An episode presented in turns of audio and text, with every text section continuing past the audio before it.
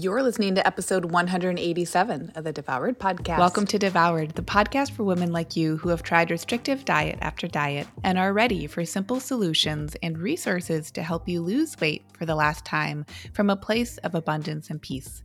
If you're looking to end the yo yo of comfort eating and rigid weight loss protocols and instead step into living your life on your terms while losing weight in the process, you're in the right place. All right, party people, welcome to the week between Christmas, if you celebrate, and New Year's. I am going to bet that you have had some emotions in the last couple of weeks, just like you've had emotions in the last couple of months, couple of years, your entire life. Welcome to the Emotions Club. On our group coaching call, yesterday. So I'm recording this on a Wednesday, and I do the group coaching in Lean and Liberated, which, if you're newer to the podcast, the group coaching happens every Tuesday. Everyone who joins Lean and Liberated, not only do you start with private sessions, but then you have lifetime access to the group coaching. So it's always like you come back to the group coaching when you need it. You self pace yourself. That is part of what you're learning in your liberation, is how to self direct and how to really say, like, oh, I lean on support when I need it. I'm able to utilize the tools and skills. I have a check in as necessary. I go and do my thing. And it's so interesting because some people rock and roll without ever having attended a group coaching call. They are not required. And also, other people rock and roll by consistently showing up to those group coaching calls. So just throwing that in there because I I know I don't quite talk about like the program itself, so I wanted to talk about it a little bit more on the podcast because I get messages from you all that are curious to know more about Lean and Liberate itself as a program. So, yesterday I was on the group coaching and we were talking about some of the emotions that come up during this week between the end of the holidays and the beginning of the new year. And what was so interesting and not uncommon, like the reason I'm saying this here is that I want you to understand this is a really healthful, normal experience to have, is that you you get to give yourself permission to have your brain wonder if you're making a quote unquote diety choice simply by proxy of that choice being really simple for you to choose. So, let me explain what I mean by that. So, yesterday in the group coaching, there was a common sentiment of people saying, like, you know, I had a pretty nice Christmas. I think everyone really celebrated Christmas. So, I'm just going to use that as an example here. You know, I think everyone had a really enjoyable Christmas, and that included sugar and flour and planning in nutrition choices that maybe aren't the most nutrient dense, but that are part of their liberation. That was part of them choosing to show up to what they were eating, right? So, by proxy of allowing themselves to be in this really luxurious relationship with food over the holidays and the holiday foods, what some of my clients were noticing was that they had these natural inclinations to be like, yeah, that was nice. And now I'm ready for maybe a little more structure to my food choices. Maybe a little bit more of an emphasis on vegetables again. Maybe I'm really like kind of done with desserts for the next stretch of time. And what was so fascinating is that on the surface, what can look diety with that inner dialogue is like, oh my God, no, I shouldn't restrict. Oh, no, I shouldn't want to not eat desserts in January. But what actually, right? And like not trusting that, being like, oh God, why, why is my brain going to that place? I shouldn't want to do a reset with the new year. But actually, what the little subtle diet is in that is not trusting yourself. It's not trusting yourself to decide that, of course, you want things to feel like lighter and easier and breezier around food in January. That you just get to trust that without having to like double check yourself and triple check yourself and work through and try to figure out, well, how do I get in desserts if I actually don't want desserts in January? Because what true anti diet would be is me having desserts four times a week, or God, not even counting it. Oh my God, that must be a diet right? Do you see what? Do you see how that hyper focus and the fixation on just not even trusting yourself, that's the diet. The diet isn't whether you do or don't have desserts. Because if you really start to peel back the reasons why, like you might lean towards being like, yeah, I just want to have make sure I get veggies at every meal. Like I want that intention, I want that structure. At this point in the game for like my clients who are on that call, it's not because of like trying to do a diet. It's because their bodies are like, "Hey, I feel really good when I have veggies at every meal and you know that." So I'm ready to return to it. It's this true trust fall into the both and yes, I can enjoy things like sugar and flour. And I just say those to make it super simple because those tend to be the foods that people have the most emotions around the sugar and the flour.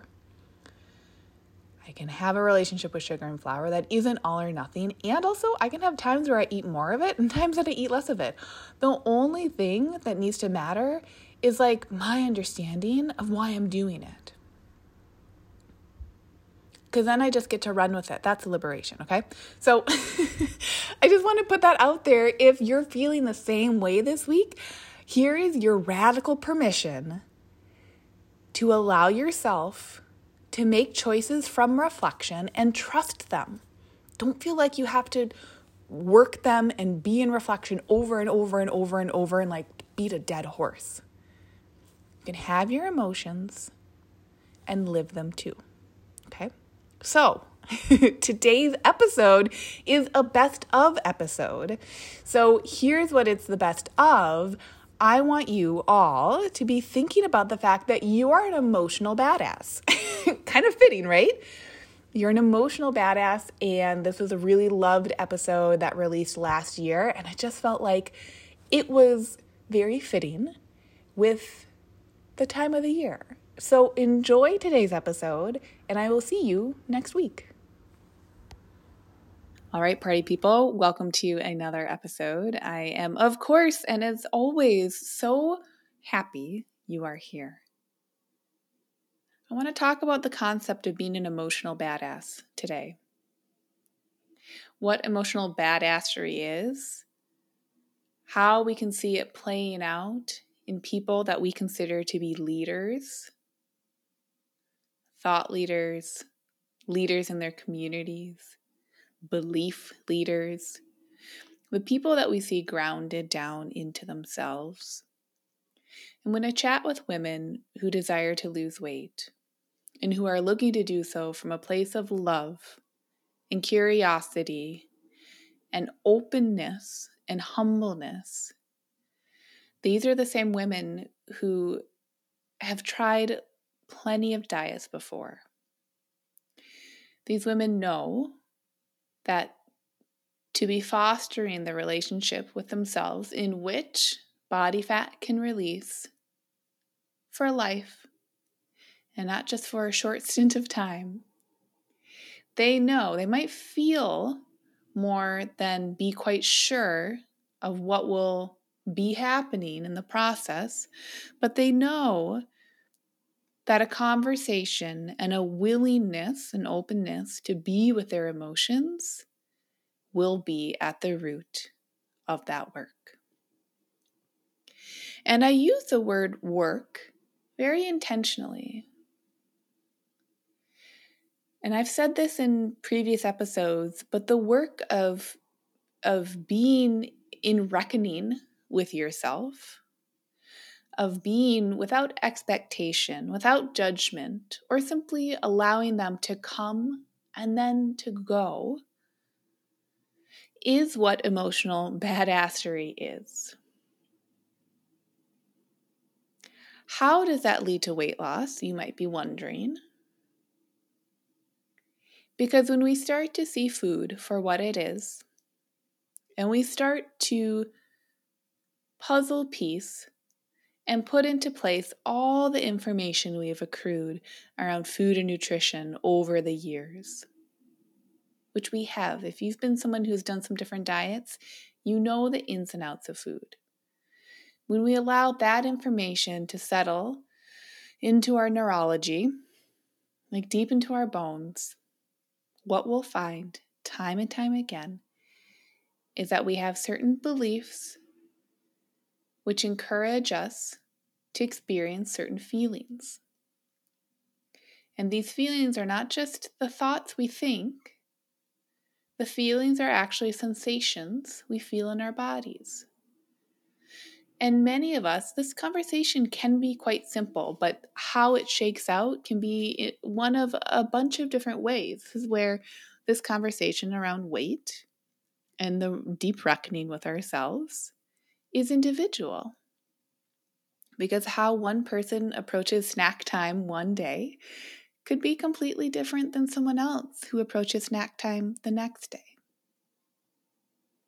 We have to be able to hold space for ourselves in our own journeys with our own processes in order to be the badass.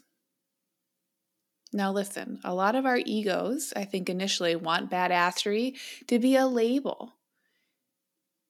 We want it to be the thing that we're doing. But I'm here to ask you today is it the things that we're doing? Because I bet if you wrote down on paper all the shit that you do, you do a lot of really awesome, cool things. And yet, there might feel like something's missing. So I really want you to ask yourself this week is it the stuff you're doing, or is it who you're being? How those things are feeling, in other words. This is the difference between a diet and a lifestyle. Truly, I think it really boils down to that differentiation. As I've said before, how you approach a certain type of food to someone else that could look like a diet, but to you, the most important part is what thoughts does it reinstill and how does that make you feel? When we invite in our most honest and true liberation, I will tell you what will come up are emotions. And so I'm sharing this on today's episode because I want all of you who listen to this show to know that nothing has gone wrong when we have emotions that span the spectrum of those that feel more exciting and to those that feel less exciting, to those that feel more negative, and then back to those that feel neutral. We move along this spectrum of emotions throughout our days, day to day. We can have subconscious thoughts, things that we don't even recognize that we're saying to ourselves, that shape how we view the world. And so, this work of being an emotional badass and being with our emotions in a badass way, all that means is that we're allowing the world to spin as we are reserving the right to take the time to notice what we unconsciously or subconsciously are choosing to believe about ourselves. And it can be about ourselves in the present moment. It can be about ourselves from a, a memory from long, long ago. Or it can be about ourselves and what we believe about ourselves in the future, what we believe to be true then. But if we allow this work to be the work of weight loss, of stepping into ourselves, not from the place of saying, well, I just need to eat X, Y, and Z, and then my life will be fixed forever and ever, and then I'll feel good. What I want you all to know is that you have the capacity for any feeling that arises. And the more we allow ourselves to feel our feelings and to feel safe enough to reserve the right to have space in our lives to feel our feelings, the more you will find and create proof and evidence that those feelings are here to support you. Think about feelings, if it's helpful, similar to cravings. Our cravings at the root are simply calling cards. They're like little arms reaching up to, to hold a, a like a question card. They're an invitation inwards. Conventionally, how we deal with cravings is that we then try to look outwards for how to manage them. Oh my God, I need to eat this food. Oh my God, no, I shouldn't be eating that food. Oh man, wait a second. No, uh, it becomes a distraction and becomes a whole habit in and of itself. We make cravings to be bad. We make the experience of a craving to be negative. We put shoulds on top of all of that experience when really the craving is simply a signal coming from within. But if it doesn't feel safe enough for us to even reckon with the feeling from within, it won't matter how many times we try to avoid or indulge in the craving. That will continue to reinforce the old belief around cravings. They are bad, I shouldn't have them. They're bad, I shouldn't have them. Oh my God, they're bad, I shouldn't have them. It reinforces that whole cycle. So, emotional badassery is recognizing we have certain thoughts and beliefs that lead to certain feelings, and they create circles and cycles that reinforce one another. And all we're doing to step into our more badass lives, because we can already have some pretty badass lives already, by the by, all we do is that we start to question would I like to continue this cycle? Or would I like to trust to stop the cycle no matter at which point it is in that cycle? Doesn't even matter which one. Would I like to stop it, turn inward, and become curious? This will always be the most beautiful way to dissolve any cycle. Whether it's a cycle of negative thoughts about ourselves, a cycle about the scale, a cycle about weight loss progress and process, a cycle about feeding ourselves, a cycle about how clothes fit us, a cycle about our time or abilities, a cycle that is the dieting cycle, a cycle where we focus on everyone else except ourselves. No matter the cycle, we always hold the tools within ourselves right now, at this very present moment, to ask ourselves Would I like to continue this? Now, here's the rub. When you ask yourself that question, you have every right to say, Yes, I do want to continue this. You also have the right to say, No, I would not like to continue this. This is the beauty of what we can do as humans. This is the beauty of being able to put words to our thoughts, our feelings, our emotions, our experiences, our desires, our wants, our needs. So this week, I invite you to ask yourself Would I like to step into my emotional badassery with full knowledge that it is 100% there for me? And any emotion that I do experience, I am allowed to experience any emotion that I believe should or shouldn't be here can simply exist without expectation that it needs to be fixed, managed, or can go. When you lay this foundation as a foundation around weight loss and weight loss conversations, I think what you will all find is that it becomes a shade of simple. And when I say simple, I don't mean easy. Because what you might find is that the cravings at the end of the day are signaling to you that you desire to take care of yourself earlier in the day. And that the extra portions of food were one way of offering to you a place to focus on yourself. And now, because of this brave reckoning and emotional badassery, you're allowing yourself a new opportunity the opportunity to step in lockstep with your emotional needs because they are the signals that have been hoping you would listen.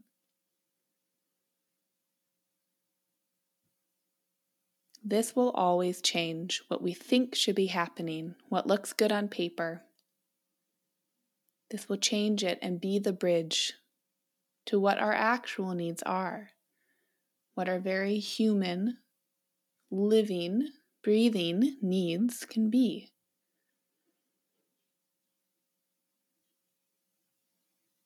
When we stop and listen to ourselves, that is the emotional badassery. Take stock of those who are idols to you, those who are containers for reckoning, for radical existence in the ways that you find profound. How do those people exist? I would bet that they are emotional badasses. I would bet that they take the steps to simply be in reckoning with themselves. And when they do that, the key starts to open as they're beginning to play around with being in lockstep with their needs and their wants. This is a type of work that is priceless. And so today, as this episode hits your ears, remember that emotional badassery is for anyone and everyone. It is unique. It is for you, by you. You are never too much. You are never too little. You are whole. You are already an emotional badass. And if you'd like to invite yourself into being more of yourself, of embodying all the corners and edges and pieces of you that is always within your wheelhouse. And you are in charge of that process. I'll see you on the next episode. Did you know you can find more support from me on my website? Go to Lucia Hawley, L U C I A H A W L E Y dot com to connect.